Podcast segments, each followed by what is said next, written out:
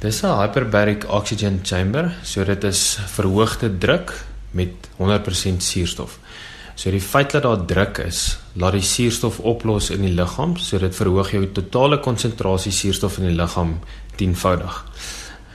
Ehm um, dit beteken dat daar suurstof nie net in die bloed nie, maar ook in die water en die soviale vloeistof in die liggaam wat dan witbloedselle stimuleer, stamselproduksie stimuleer en dan ook nuwe aardjies vorm in die area van inflammasie of besering. Wat is die voordele van verhoogde suurstof in die liggaam veral as dit kom by beserings?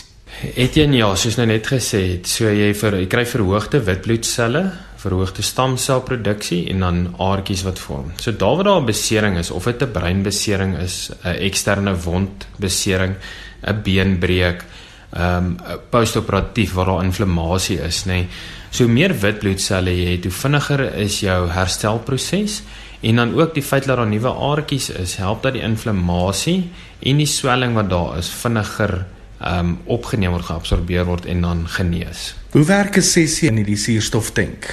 Etienne, dit is 60 minute sessie, tussen 60 en 80 minute. Ons doen grootliks maar 'n 60 minute sessie. Een sessie as sulks gaan nie vir jou veel beteken. Jy gaan dalk lekker slaap die aand, verstaan? Dis soos om te gaan duik. Dan is dit so verhoogde druk, verhoogde suurstof, so jy slaap lekker die aand na die eerste sessie. Ons beveel aan so gemiddeld 10 sessies. 10 sessies gee vir jou 'n goeie resultaat of dit dan nou 'n beenbreek of 'n spierbesering is. As ek vinnig 'n voorbeeld kan noem, ek het 'n dame gehad wat 'n heupvervanging gehad het.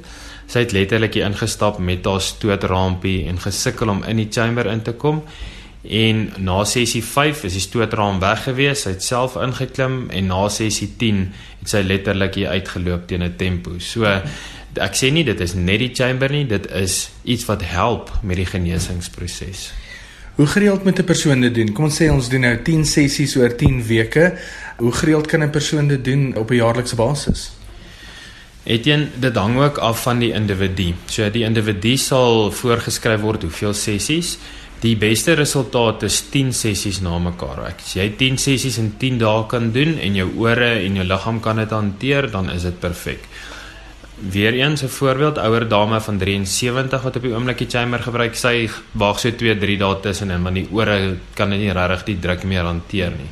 So dit hang af van die individu en dan om jou vraag te antwoord per jaar, daar is nie regtig 'n perk aan dit nie, want jy kan hier kan jy nie suurstoftoksisiteit kry nie.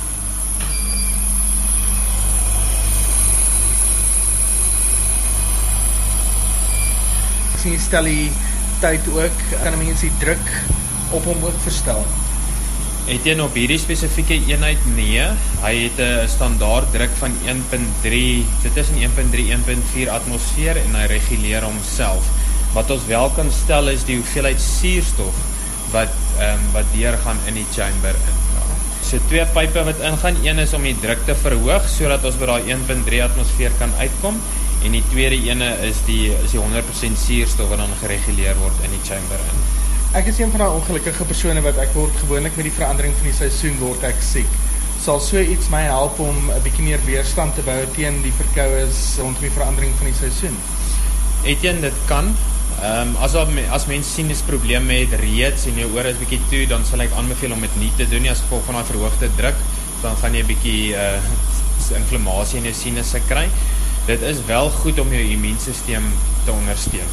So as jy 'n paar sessies kan doen voor die winterseisoen, kan dit definitief help om jou uh, om jou in 'n beter kondisie te sit jou immuunstelsel. Ja.